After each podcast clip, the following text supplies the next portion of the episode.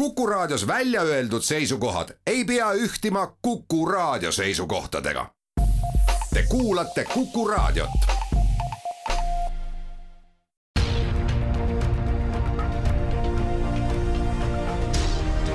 uue samba taga. sammaste taha aitab vaadata sajaaastane eestikeelne rahvusülikool. tere tänane saade tuleb psoriaasist ehk siis soomussammaspoolist ning professor Külli Kingo on tulnud teiega rääkima. me võtame jutuks ka ühe uue projekti, mis pandud käima selleks, et patsientide elu teha kergemaks. küsija on Madis Ligi kui ajalooliselt võtta, siis psoriaas on nahahaigus, mis on inimesse suisa sisse kirjutatud. psoriaasi puhul on siis äh, tegemist niisuguse kroonilise põletikulise nahahaigusega, et äh, haigusel on äh, tugev niisugune perekondlik taust, et tänaseks päevaks tegelikult me teame väga palju geenivariante, mis on selle haiguse avaldumisega seotud, aga lisaks peab tulema ka mingi väline tegur. aga miks see haigus on oluline, nagu sarnased kroonilised põletikulised haigused, need on haigused, millega inimene peab tegelikult elama eluaeg, sest äh, tänase päevani me ei saa inimesele öelda, et ta tervistub sellest haigusest. mida me aga saame tänaseks öelda ja mis on juhtunud just viimase viieteist aasta jooksul, äh, me saame paljudele oma patsientidele luua võimaluse, et nad elavad lööbevabalt, et me suudame varakult diagnoosida psoriaasiga kaasuvaid haigusi ja tagada ka nende efektiivse ravi. et, et alati ei olegi, ei olegi määrav tervistumine, vaid tegelikult inimesele on oluline elada sümptomivaba elu aga see on ikkagi inimeses organismis juba sees, see alge olemas, nii et äh, Jüri Mari käest seda haigust ei saa? jah, et äh, tegemist ei ole nakkusliku nahahaigusega. see alge olemasolu on ka sõltuv sellest, kuna see haigus avaldub. tegelikult on sellel haigusel kaks suurt vormi, on üks vorm, mis avaldub siis noorena, tavaliselt puberteedis kahekümnendatel, enne kolmekümnendat eluaastat, ja siis meil on teine vorm, mis avaldub siis vanemas eas, viiekümnendatel, kuuekümnendatel. ja nähakse seda, et äh, kui psoriaas avaldub varakult, et äh, siis on ta tugevalt perekondlik ta tavaliselt on raskema kuluga ning äh, kui ta avaldub hilisemas eas, siis äh, tegelikult seda perekondlikkust nähakse väga harva, ta on väga tugevalt seotud siis ravimite tarvitamisega ning äh, tegelikult tema kulg on kergem perekondlik, kas see tähendab, et kui ema-isa või üks nendest on selle haiguse all kannatav, siis võib ta lastele minna või läheb ta üle põlve? ma vastaks sellele nii, et kui me loeme oma dermatoloogia käsiraamatuid, siis vanades käsiraamatutes on üks väga tore profülaktiline soovitus. et äh, ei soovitata, et äh, psoriaatikud omavahel abielluksid, sest siis risk, et järgneval põlvkonnal on äh, kellelgi lastes psoriaas, on väga kõrge, see on ligi viiskümmend protsenti kui ühel lapsevanemal on psoriaas, siis on see risk kümme protsenti. Ja mida põlvkond edasi, eh, seda madalamaks see risk tegelikult läheb. Tark internet ütleb, et Eestis kannatab psoriaasi all nelikümmend kaks tuhat inimest, kas need andmed on nii-öelda viimane tõde? tänaseks ma saan öelda seda, et tegelikult ei ole niisugust epidemioloogilist uuringut, et me täpselt teaksime oma psoriaasihaigete arvu, aga eeldatavalt põeb psoriaasi Põhja-Euroopas. Kaks kuni kolm protsenti elanikkonnast. Ja kunagi on tehtud ka üks uuring, mis näitas, niisugune küsitlusuuring, kus käidi kodudes ja vaadati, mis nahahaigused inimestel on. Ja sealt selgus, et psoriaasi oli kuskil viiekümne tuhandel inimesel. me võime öelda, et noh, selle uuringu tulemuste kokkuvõttena öelda, et me saame prognoosida, et meil on viiskümmend tuhat psoriaasi haiget, nelikümmend, viiskümmend kas see haigus on selline, et ta suurendab ka teiste haiguste riski, et inimene võib siis, et jääb nagu selle läbi nõrgemaks, saada ka mõne muu tõve külge? Kui inimestel on kroonilised nahahaigused, siis on tegelikult tõusnud erinevate kaasuvate haiguste risk. Ja kui me räägime psoriaasist, siis äh, üks suur probleem loomulikult äh, psoriaasil on psoriaasiga kaasnev liigeskahjustus, mis tegelikult võib esineda viiel kuni neljakümnel protsendil psoriaasiga patsientidest teine oluline kaasuv haigus on metaboolne sündroom, et äh, siin sisaldub siis kõrge vererõhk, suhkruhaigus, neil esineb düslipideemiat, rasvade äh, ainevahetushäired ja sellistel inimestel tegelikult äh, tekib ateroskleroos veresoontes väga varakult ja see tõstab neil müokardiinfarkti riski ja ajuinsuldi riski. ja selle tõttu tegelikult see haigus mõjutab inimeste eluiga ja me ei räägi mitte kerget vormi põdevatest haigetest, vaid just rasketest psoriaasi haigetest ja raskeid psoriaasi haigeid on meil ligikaudu kolmkümmend protsenti patsientidest. Ja vaat nendel äh, on äh, tõusnud risk müokardiinfarkti tekkeks ja ajuinsuldi tekkeks, et tänu sellele on nendel haigetel näidatud ka võrreldes äh, tervetega tavapopulatsiooniga madalamat eluiga aga kas mm -hmm. ühiskonna ja tehnoloogiate areng ja ka toidusedeli muutus on äh, toonud nüüd välja, et näiteks mingi vanusegrupp saab selle haiguse sagedamini kui varem, ehk kas selles haigestumise dünaamikas on mingisuguseid põhimõttelisi muutusi mm -hmm. või see läheb ikkagi enam-vähem sama skeemi järgi, kui nii sobib öelda? jah, ta läheb enam-vähem sama skeemi järgi. mida ma saan öelda, on see, et kui psoriaasi esinemissagedus on kõrgem Põhja-Euroopas, Põhja-Ameerikas, see on kindlasti seotud ka päikesehiirgusega, sest äh, sellel haigusel tegelikult on kaks suurt vormi. Äh, üks vorm läheb päiksega paremaks, teine halvemaks ja enamus inimesi põeb vormi, mis läheb päiksega paremaks et äh, kindlasti see on põhjus, miks Põhja-Euroopas ja Põhja-Ameerikas on psoriaasi rohkem aga näiteks äh, väga vähe kirjeldatakse psoriaasi Aasias ja ei ole kirjeldatud indiaanlastel ega eskimodel. ja selle viitega ma tahaks tuua mõtte, et kui palju võiks ikkagi olla toitumise roll selle haiguse tekkes, sest äh, näiteks äh, kohortides, kus me teda kirjel-, ei kirjelda, peab olema midagi, miks see haigus ei avaldu. kas seal siis tõesti ei esine need vastavad geenivariandid, mis seda soodustavad, aga tõenäosem on ikkagi see, et neil puudub see väline tegur, mis selle haiguse vallandab. Ja näiteks äh, ühed väga olulised tegurid äh, äh, psoriaasi vallandamiseks ja ägestavaks teguriks on näiteks suitsetamine, alkohol. Et aga kindlasti siin on ka toitumise roll, sest kui me mõtleme, et psoriaasiga kaasuv haigus on diabeet, suhkruhaigus, düslipideemia.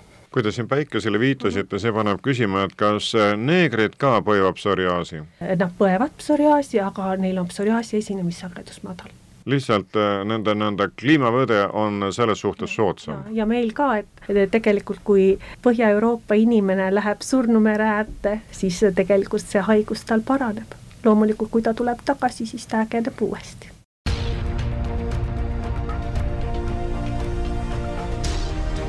Uue samba taga. Sammaste taha aitab vaadata sajaaastane eestikeelne rahvusülikool professor Kingo, jõuame nüüd siis nende ravivõtete juurde ja selle projekti juurde, mis peaks inimeste elu parandama, vähemalt kergemaks tegema, nagu te viitasite, et psoriaas on ikkagi haigus, millest lahti ei saa, ta käib nagu lainetena, nii et tohtrid võivad seda haigust leevendada, kuid ära võtta ja kõige kaduva teed saata meditsiin veel ei suuda jah, et äh, meditsiin suudab tänaseks päevaks seda, et inimesed äh, on võimalik elada lööbevabalt. aga miks on just nende haigete pidev jälgimine vajalik, on just selle tõttu, et äh, me kunagi ei, ei oska ette prognoosida, millal see haigus ägeneb. ja kui see haigus ägeneb, siis tegelikult see inimene vajaks ju kiirelt abi. aga me teame, mis meil on tänasel päeval ravijärjekorrad et äh, inimene ägeneb, ootab kolm kuud järjekorras ja tuleb siis juba väga ulatusliku nahalööbega teine probleem on ikkagi ka risk nende kaasuvate haiguste tekkeks, liigeskahjustuse tekkeks.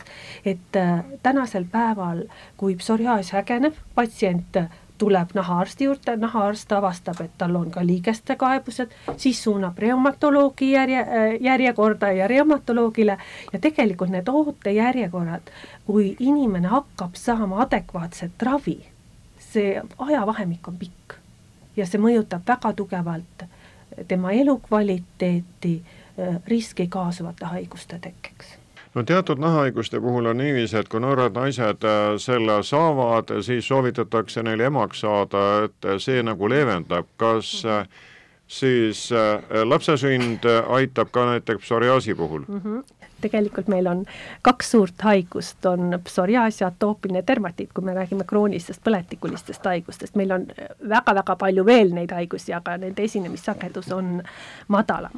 ja psoriaas on haigus äh, mis klassikaliselt käitub nii, et kui patsient jääb last ootama, siis psoriaas tavaliselt iseeneslikult paraneb. ja tegelikult äh, väga selgelt ka teatakse, miks see toimub. psoriaas on niisugune haigus, et mis on seotud äh, niisuguste põletikuliste ainete, tsütokiinide ületootmisega. Ja kui inimene rasestub, siis tegelikult organismis toodetakse rohkem põletikuvastaseid, et äh, kaitsta seda rasedust ja siis ka psoriaas tänu sellele iseeneslikult äh, paraneb. ja tegelikult äh, niisugused molekulid, mis pärsivad neid põletikulisi tsütokiine, need on ka kõige efektiivsemad psoriaasi ravimid tänasel päeval ning kui ta paraneb, siis on ta paranenud lõplikult, ehk see haigus nagu, nagu järeleainetuse korras tagasi ei tule?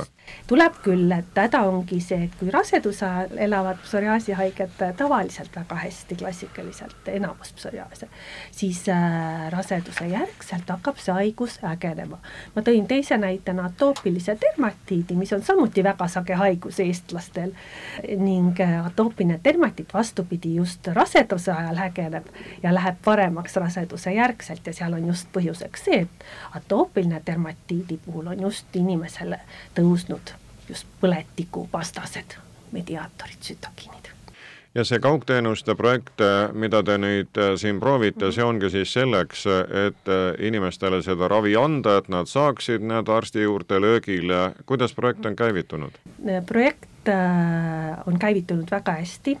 Äh, tegemist on siis selle projekti puhul eesmärgiks äh, tagada psoriaasihaige terviklik raviteekond ning äh, me selles projektis siis äh, kasutame niisugust digitaalset platvormi, äh, see on ühe osaühingu Termtest arendus, tal on seal erinevaid mooduleid, võib-olla inimestel on rohkem teada teledermatoskoopia moodul, mida kasutatakse nahakasvajate varajaseks diagnoosimiseks ja kuhu on siis kaasatud perearstid, et perearstidel on võimalus siis teha inimesest tema nahamoodustis sellisest, äh, mis tundub kahtlane ülesvõte, nii makropilt kui siis dermatoskoopiline pilt, saata need fotod siis konsulteerimiseks nahaarstile ja nahaarst annab oma hinnangu ja suunab siis vajadusel patsiendi ravile.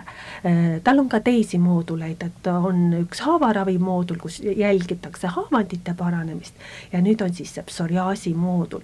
ja psoriaasi moodul on tegelikult üles ehitatud nii, et äh, sellel platvormil saab inimene siis äh, täita erinevaid küsimustikke, mis annab arstile ülevaate selle haiguse ulatusest ja aktiivsusest.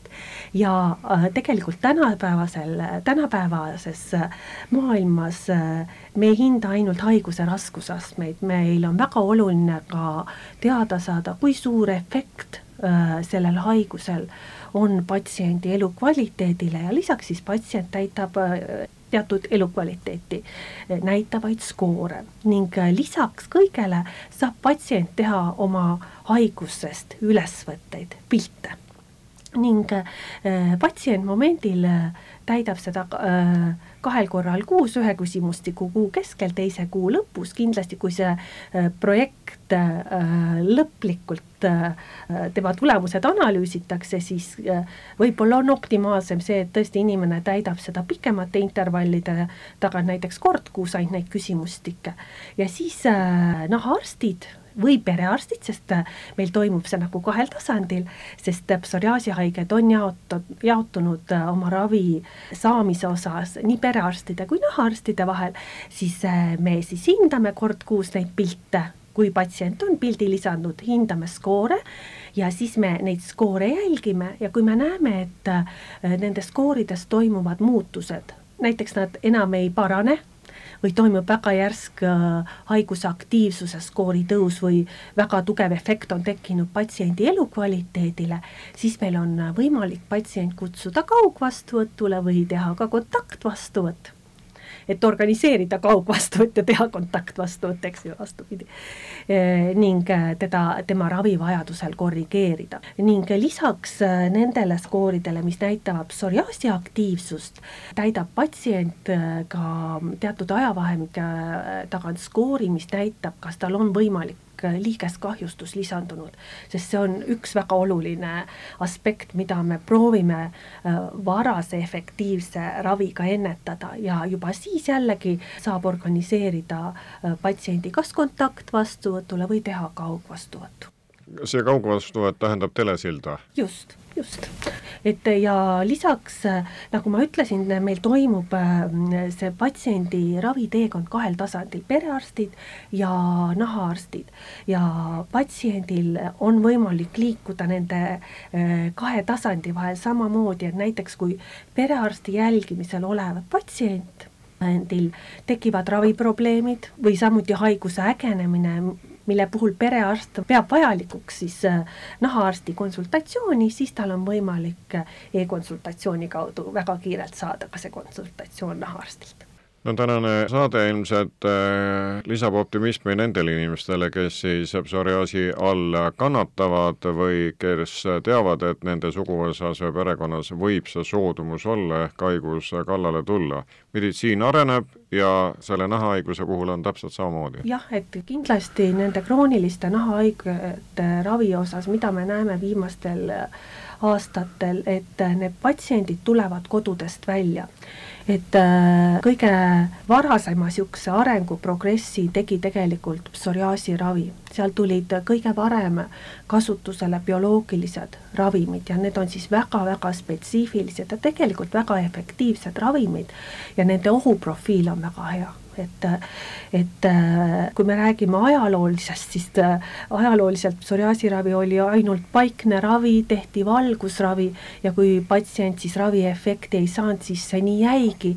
siis hakkasid lisanduma erinevad tablettravimeid, see valik oli väga väike, meil tegelikult oli võimalus äh, valida kolme ravimi vahel ja probleemiks oli nende ravimite toksilisus, nii maksa kui neeru toksilisus.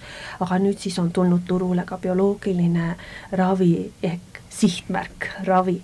et äh, kuigi tänase päevani meil on äh, nõue teha eelnevat seda tavalist konventsionaalset ravimit ja kui patsient ei saa raviefekti nendele tablettidele, siis tal on õigus äh, bioloogilisele ravile tervishoiuteenuse raames, mida ka me teame uuringutest ja mida me loodame, et saab tulevikus toimuda et tegelikult, kui psoriaasihaige saaks väga varakult bioloogilist ravi, siis tegelikult on lootus, et ta jääb pärast bioloogilist ravi väga-väga pikaks, pikalt remissiooni.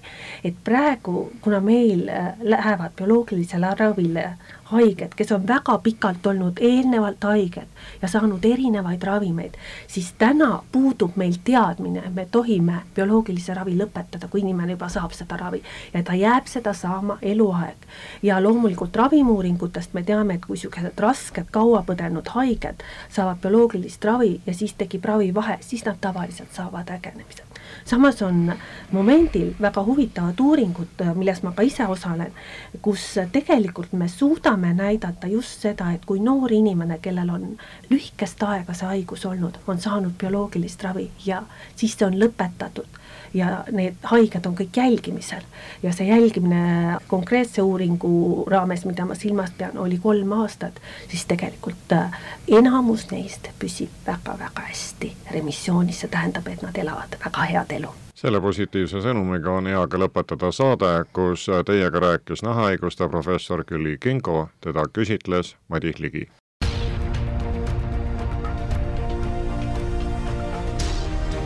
Uue samba taga. sammaste taha aitab vaadata sajaaastane eestikeelne rahvusülikool